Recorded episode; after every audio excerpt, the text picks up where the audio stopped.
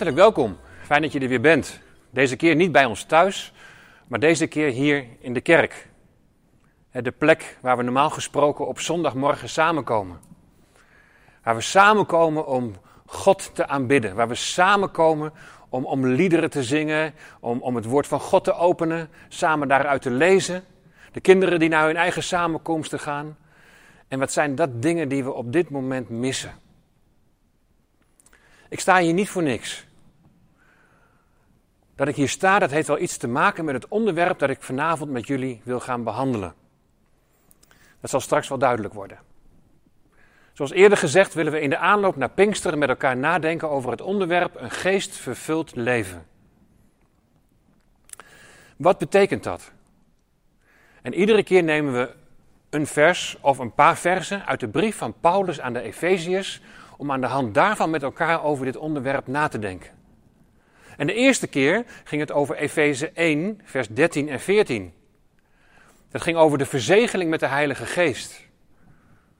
En daar hebben we gezien dat we door geloof in de Heer Jezus Christus, als we geloven dat Hij onze redder en verlosser is, dat Hij onze Heer is, dat we dan de Heilige Geest ontvangen en dat we ook verzegeld worden met de Heilige Geest der belofte. En die verzegeling, dat houdt in dat God als het ware zijn eigendomsmerk op jou neerzet, op jou stempelt als het ware. En daarmee zegt, je bent mijn eigendom. Je behoort mij toe. Je bent een kind van God. Tegelijkertijd is die verzegeling ook een waarmerk. Ook de zoon werd verzegeld door de vader. De Heer Jezus, die ontving zo als het ware het waarmerk als zijnde de verlosser. En zo zijn wij door de verzegeling gewaarmerkt als zijnde verlost. Verlost en bevrijd van de macht van de zonde. En zo in Gods tegenwoordigheid gebracht. De tweede keer ging het over Efeze 2, vers 18. En daar hebben we gezien dat we door de Heilige Geest toegang hebben tot de Vader. Door de Heilige Geest toegang. En bij toegang hebben we gezien, het is natuurlijk een beweging, maar dat het een eenmalig gebeuren is van in de tegenwoordigheid van God gebracht zijn. Toegang betekent, je bent in de tegenwoordigheid van Vader gebracht. Je bent niet alleen in de tegenwoordigheid gekomen van de heilige en de almachtige God, maar je bent ook in de tegenwoordigheid gekomen van Vader. De Vader bij wie je mag schuilen als het stormt in je leven, bij wie je mag zijn. En, en, en het gaat iedere keer in de Efezebrief gaat het over, wat is nou geestelijk gezien jouw positie? Door het geloof in de Heer Jezus ben je geheiligd, ben je apart gezet en heb je in Christus een positie ontvangen in de hemelse gewesten. In het bovenhemelse, daar waar God is en daar waar de Heer Jezus troont aan de rechterhand van de Vader. En het is zo belangrijk dat er iedere keer weer een bewustzijn is van wie je mag zijn in Christus en welke positie jou dat geeft. Dat is zo belangrijk ook in relatie tot identiteit. Jouw identiteit wordt niet bepaald door wat je doet of door wat je presteert, maar jouw identiteit mag worden bepaald door wie jij bent in Christus. En dan mag je weten dat God de Vader jou aanziet in zijn Zoon, die alles heeft volbracht, die volmaakt en heilig is. Daardoor kunnen we ook in zijn tegenwoordigheid, in Gods tegenwoordigheid zijn. Deze keer wil ik met jullie nadenken over de vraag: wat is nou eigenlijk het kloppende hart van de gemeente? Wat is nou de essentie van het gemeente zijn? Of eigenlijk de vraag van waar begint dat precies? Is het dit gebouw? Zijn het de samenkomsten? Natuurlijk enorm belangrijk en we missen het enorm. Maar het begint ergens anders. Afgelopen weekend was er een conferentie en na iedere spreker kon je deelnemen aan een Zoom-gesprek, videobellen. En er waren, iedere keer waren er zo'n 60 deelnemers. Heel boeiend om, om te luisteren welke vragen mensen hebben. En wat mensen bezighoudt in deze tijd. Nou, er was één opmerking van een van de deelnemers en die zei: Als jouw geloof, of als jouw christen zijn, alleen maar wordt bepaald door twee keer naar de kerk te gaan op zondag, dan heb je nu een groot probleem. Want eigenlijk valt alles dan weg. Dan blijft er helemaal niks meer over. Wat is het kloppende hart van de gemeente? Wat is het begin van het gemeente zijn? Nou, we gaan lezen weer uit Efeze hoofdstuk 2 en we nemen 18 ook weer mee. Maar we beginnen nu bij vers 17 en lezen tot en met vers 22. En ik lees jullie deze keer voor uit de nieuwe Bijbelvertaling. En dan lezen we vanaf vers 17. Vrede kwam hij verkondigen. Aan u die ver weg was, de heidenen, de niet-Joden, wij. En vrede aan hen die dichtbij waren, de Joden. Dankzij hem hebben wij allen en hebben wij beiden door één geest toegang tot de Vader. Zo bent u dus geen vreemdelingen of gasten meer, maar burgers. Net als de heiligen en huisgenoten van God. Gebouwd op het fundament van de apostelen en profeten. Met Christus Jezus zelf als de hoeksteen. Vanuit Hem, dus vanuit Christus, groeit het hele gebouw steen voor steen uit tot een tempel die gewijd is aan Hem, de Heer. In wie ook u samen opgebouwd wordt tot een plaats waar God woont door zijn geest. Er worden hier vier kenmerken genoemd van een kind van God. Vier voorrechten van een kind van God. Door de Heilige Geest heb je toegang tot de Vader. Dat is het eerste. Ten tweede, we zijn medeburgers geworden van een rijk in de hemelen. Ten derde, we zijn huisgenoten van God. En ten vierde, en daar zou ik voor deze keer de nadruk op willen leggen, wij zijn een plaats, of zoals de herziene statenvertaling het vertaalt, we zijn een woning waar God woont in de geest. We zijn een woning waar God woont in de geest.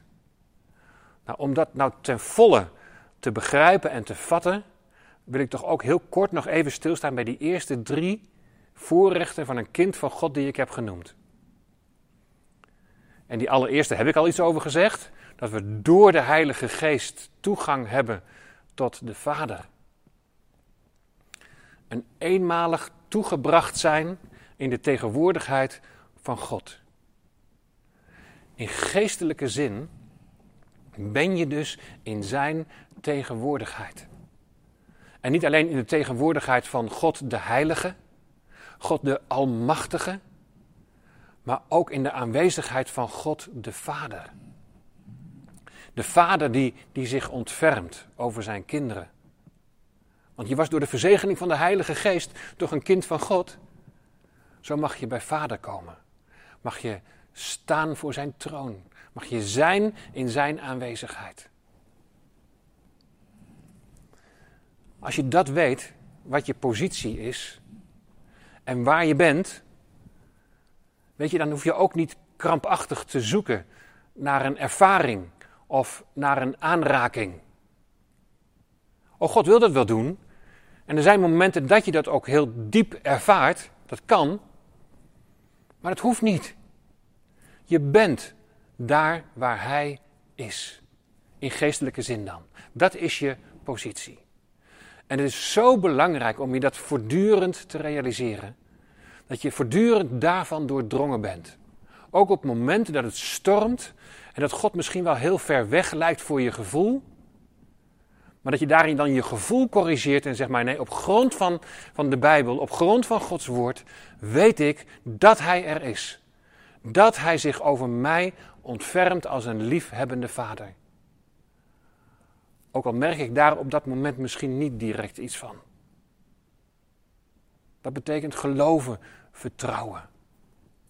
Hij zorgt voor je. Het tweede voorrecht van een kind van God. Dat is dat wij medeburgers zijn. Medeburgers van een rijk in de hemelen. Dus die eerste was eigenlijk de beweging naar God toe en daar zijn. En medeburgers, dat betekent, wij zijn dus de bewoners. We zijn bij de Vader en wij zijn daar samen de bewoners.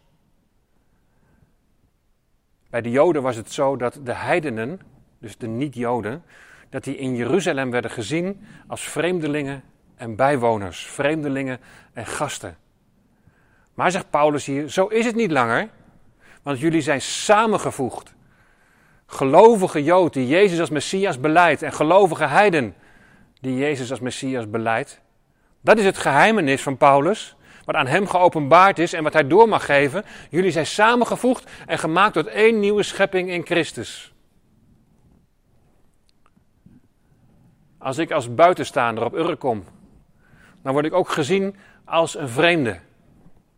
Maar broeders en zusters, in Christus, of je nou Urker bent, of Emmeloorder, of wat dan ook, in Christus zijn we één gemaakt en zijn we een nieuwe schepping geworden. We zijn burgers van een rijk in de hemelen. Heeft weer met die positie te maken. We wonen in een verborgen rijk in de hemel. Want het rijk is voor ons nog niet zichtbaar. Is voor deze wereld ook niet zichtbaar. Maar het is een geestelijke realiteit. Daar waar wij mogen zijn. Dat is het tweede. We zijn medeburgers. Het derde voorrecht van een kind is dat wij huisgenoten van God zijn. En hier zou ik de nadruk willen leggen op het samen. We zijn samen, zijn we huisgenoten van God. We zijn niet zomaar een paar onderhuurders. Het is ook niet zo van, nou ja, je mag hier wel even verblijven. Nee, je mag daar ook, zoals we dat zeggen, verkeren. Je mag daar bewegen. Je mag daar zijn, elkaar ontmoeten. Relatie hebben met elkaar. Relatie hebben met de Vader. En de Vader is het hoofd van het gezin en wij zijn kinderen. En zo zijn we met elkaar verenigd. En dat is een geestelijke werkelijkheid. Wij zijn het lichaam van Christus. Christus is het hoofd. We zijn met elkaar verenigd in de hemelse gewesten. We zijn met elkaar als gelovigen verbonden. En dat is niet afhankelijk van de plaats waar we zijn. Dat is niet afhankelijk van dit kerkgebouw. Maar we zijn in de geest met elkaar verbonden, aan elkaar gegeven, om samen dat gezin te zijn. Om daarin samen naar elkaar om te zien. Samen de Vader te aanbidden. Samen de Heer Jezus te danken voor wie Hij is en wat Hij voor ons heeft gedaan. We zijn huisgenoten van God. En dan komen we bij die laatste. We zijn een plaats, een woning van God in de geest. Laat het eens even tot je, tot je doordringen. Laat het eens even inwerken. Je bent een plaats, je bent een woning van God in de geest. We hebben bij de verzegeling gezien dat als je tot geloof komt, ontvang je de Heilige Geest, word je met de Heilige Geest verzegeld. En dan weet je dat die inwoning heeft plaatsgevonden. God komt door zijn geest, want we kunnen God en de Heer Jezus en de Heilige Geest niet los van elkaar zien. God zendt zijn geest in ons. Dus hij woont door zijn geest in jou. Hij heeft woning in jou gemaakt. Woning, dat betekent letterlijk een benedenhuisplaats. Oh, hoe zijn wij verbonden met de Allerhoogste, met Vader in de hemel, door de Heilige Geest die in ons woont. En weet je, dan, dan is onze relatie met God, maar ook onze relatie met elkaar, is niet aan plaats gebonden. En hoe belangrijk het is dat we ook samenkomen, En hoe we daar ook naar verlangen. En hoe we ook zo graag weer hier samen zouden willen zijn. Om samen lofliederen te zingen tot eer van God. Maar het is niet noodzakelijk voor die verbondenheid met elkaar in de eerste plaats. Want in de eerste plaats zijn we met elkaar verbonden door de Heilige Geest. En de Geest doorbreekt grenzen die door mensen zijn gemaakt. En er zijn nu grenzen gegeven. De overheid heeft grenzen aangelegd. En gezegd: jullie mogen niet samenkomen als grote groep met elkaar, want het risico is veel te groot. Maar daar houdt het gemeente zijn niet bij op. Ik heb net al gezegd, als jouw geloviger zijn of christen zijn alleen maar afhangt van die zondag dat je naar de kerk gaat, dan heb je nu een groot probleem. Maar hoezeer we het ook missen, het kloppende hart van de gemeente begint ergens anders. En dat begint in die verbondenheid met Gods Heilige Geest die in ons woont. God woont in jou en mij. En zo zijn we niet per se plaatsgebonden om God te aanbidden. En dat is wat de Heer Jezus zegt tegen de Samaritaanse vrouw, toch? Hij zegt, het gaat op een gegeven moment niet meer de plaats waar je aanbidt. De Samaritanen die, die vonden het belangrijk om te aanbidden op de berg Gerizim. En de Joden vonden het belangrijk om te bidden in Jeruzalem. Maar Jezus zegt, waar het om gaat is dat je aanbidt in geest en in waarheid. Dat je aanbidt in afhankelijkheid van de Heilige Geest. In het bewustzijn dat de Geest van God in jou woont. En dat de Geest van God de Heer Jezus als het ware in de schijnwerpers wil zetten. Hem wil verheerlijken. Hij die zijn leven voor jou gaf. Hij die jou lief heeft. En aanbidden in waarheid. Dat je aanbidt in alle oprechtheid. Dat je komt in alle eerlijkheid. Met alles wat je bezighoudt. Daar waar je hebt gefaald. Daar waar je verdriet over hebt. Maar ook daar waar je vreugde over hebt. We mogen het brengen voor het aangezicht van God. En Hem de lof toebrengen die Hem toekomt. We zijn een plaats, een woning waar God woont door zijn geest. En die woning is nog niet af. Daar wordt nog aan gebouwd.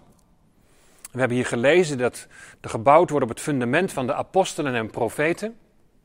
En die apostelen en profeten die, die beleiden dat geheimenis van Paulus. En die zeggen, jullie zijn samengebracht, gelovige Joden, gelovige heiden, in dat ene lichaam. Jullie zijn in Christus een nieuwe schepping. Wees je daar voortdurend van bewust. En wat het gebouw betreft, Christus is de hoeksteen. Christus bepaalt de richting. Zoals een hoeksteen de richting bepaalt. Kan ook een sluitsteen zijn die helemaal bovenaan de boel in balans houdt, die, die de boel in evenwicht houdt. Dat is onze Heer Jezus Christus. Hij is de hoeksteen. Hij bepaalt de richting van je leven. Hij wil die richting in ieder geval bepalen. Het is alleen de vraag of jij ook je daaraan wil onderwerpen. En dat je zegt, heren, ik heb maar één verlangen. En dat is om uw wil te doen. Vanuit Hem, vanuit Christus, groeit het hele gebouw steen voor steen uit tot een tempel die gewijd is aan Hem. De Heer, in wie ook wij samen opgebouwd worden tot een plaats waar God woont door Zijn geest. Vanuit Hem, vanuit Christus, groeit het hele gebouw steen voor steen. En Petrus die schrijft in zijn brief: Jullie zijn allemaal levende stenen. En jullie zijn allemaal opgeroepen om je in dat gebouw in te laten voegen. Jullie horen bij elkaar. Jullie zijn aan elkaar gegeven. Jullie zijn met elkaar een eenheid. Ook al ervaar je dat misschien niet altijd zo, of misschien op dit moment ook niet echt zo. Laat dan, dan daar weer dat bewustzijn zijn. We zijn één in Christus. En we zijn samen dat ene gebouw, we zijn samen die ene tempel waar God woont door zijn geest. En met elkaar zijn we geroepen om de Heer Jezus de eer te geven die Hem toekomt. Met elkaar zijn we geroepen om elkaar te dienen. En ja, naar elkaar toe die verandering te laten zien. Die verandering naar het beeld van de Heer Jezus. Dat we steeds meer stapje voor stapje met vallen en opstaan mogen leren wat het betekent om er voor elkaar te zijn. Levende stenen waar niet één gemist kan worden. Ook jij hoort daarbij. Ook in deze tijd waarin we elkaar niet zo lijfelijk kunnen ontmoeten. Maar wees je ervan bewust. De geest doorbreekt de grenzen die door mensen zijn gemaakt.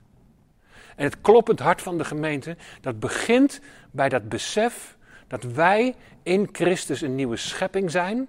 Dat we in Christus aan elkaar gegeven zijn. In één lichaam, gemaakt tot een nieuwe schepping.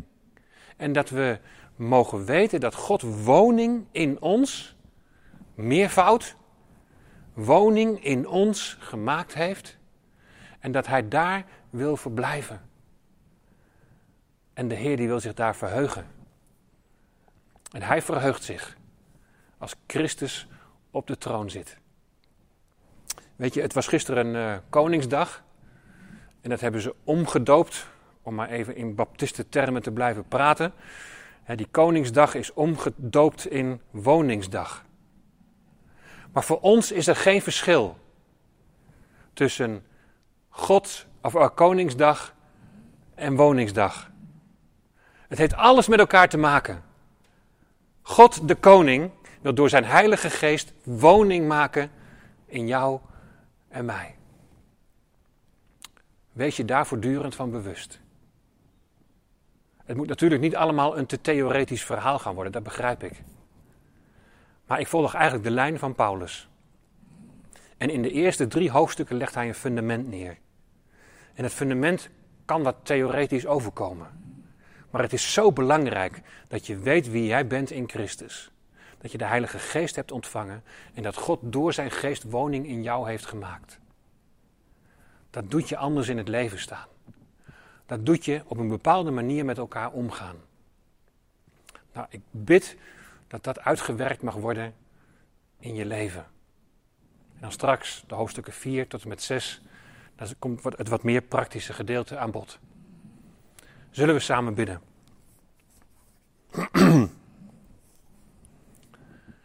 Liefdevolle God en Vader, we danken u, we prijzen u, we eren u om wie u bent. En wat een wonder van genade is het dat u ons hebt vrijgekocht en dat u ons zoveel geestelijke zegeningen hebt gegeven in uw Zoon, de Heer Jezus Christus. Heer, leer ons te beseffen de positie die u aan ons hebt gegeven. En wat dat betekent voor de, ja, de uitvoering in ons dagelijkse leven. Leer ons iedere keer weer beseffen dat u door uw geest woning in ons hebt gemaakt. Dat we in onze dagelijkse handel en wandel er voortdurend van bewust zijn dat u aanwezig bent. Dat u ons wilt leiden door uw Heilige Geest. En dat het doel is dat Christus verheerlijkt wordt. In de manier waarop we met elkaar omgaan, maar ook in de manier waarin we getuigen willen zijn. Heer, u komt toe alle lof en dank en aanbidding. Wees u zo met ons. Ook in deze tijd waarin zoveel dingen onzeker zijn, waarin mensen angstig zijn, mogen wij schuilen bij u. Mogen wij troost vinden bij u. En willen wij op u vertrouwen. We danken u in Jezus' naam. Amen. In u is mijn huis, in u ben ik heilig, in u. Bij u vind ik troost, bij u kan ik huilen, in u vind ik rust, in u kan ik schuilen, in u. U neemt mij in uw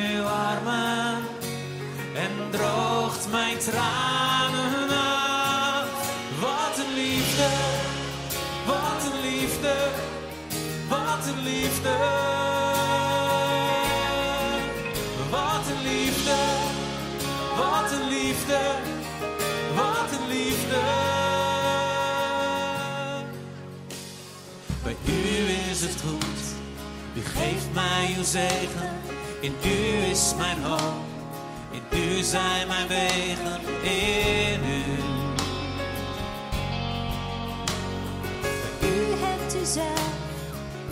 mij gegeven. In u kan ik zijn, in u kan ik leven, in u. Ik hoef niets te verbergen, want u wijst mij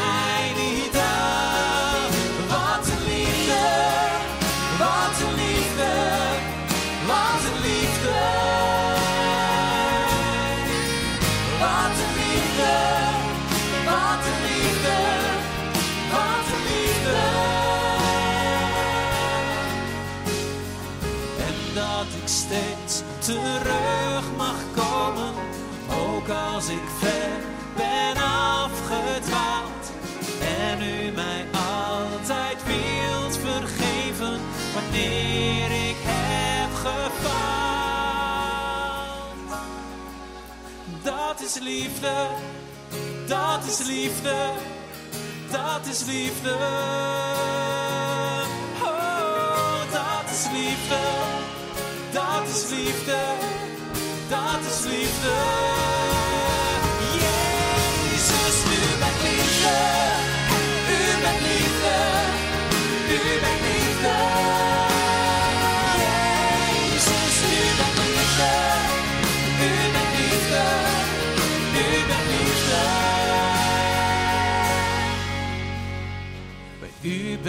Thuis, bij u ben ik veilig.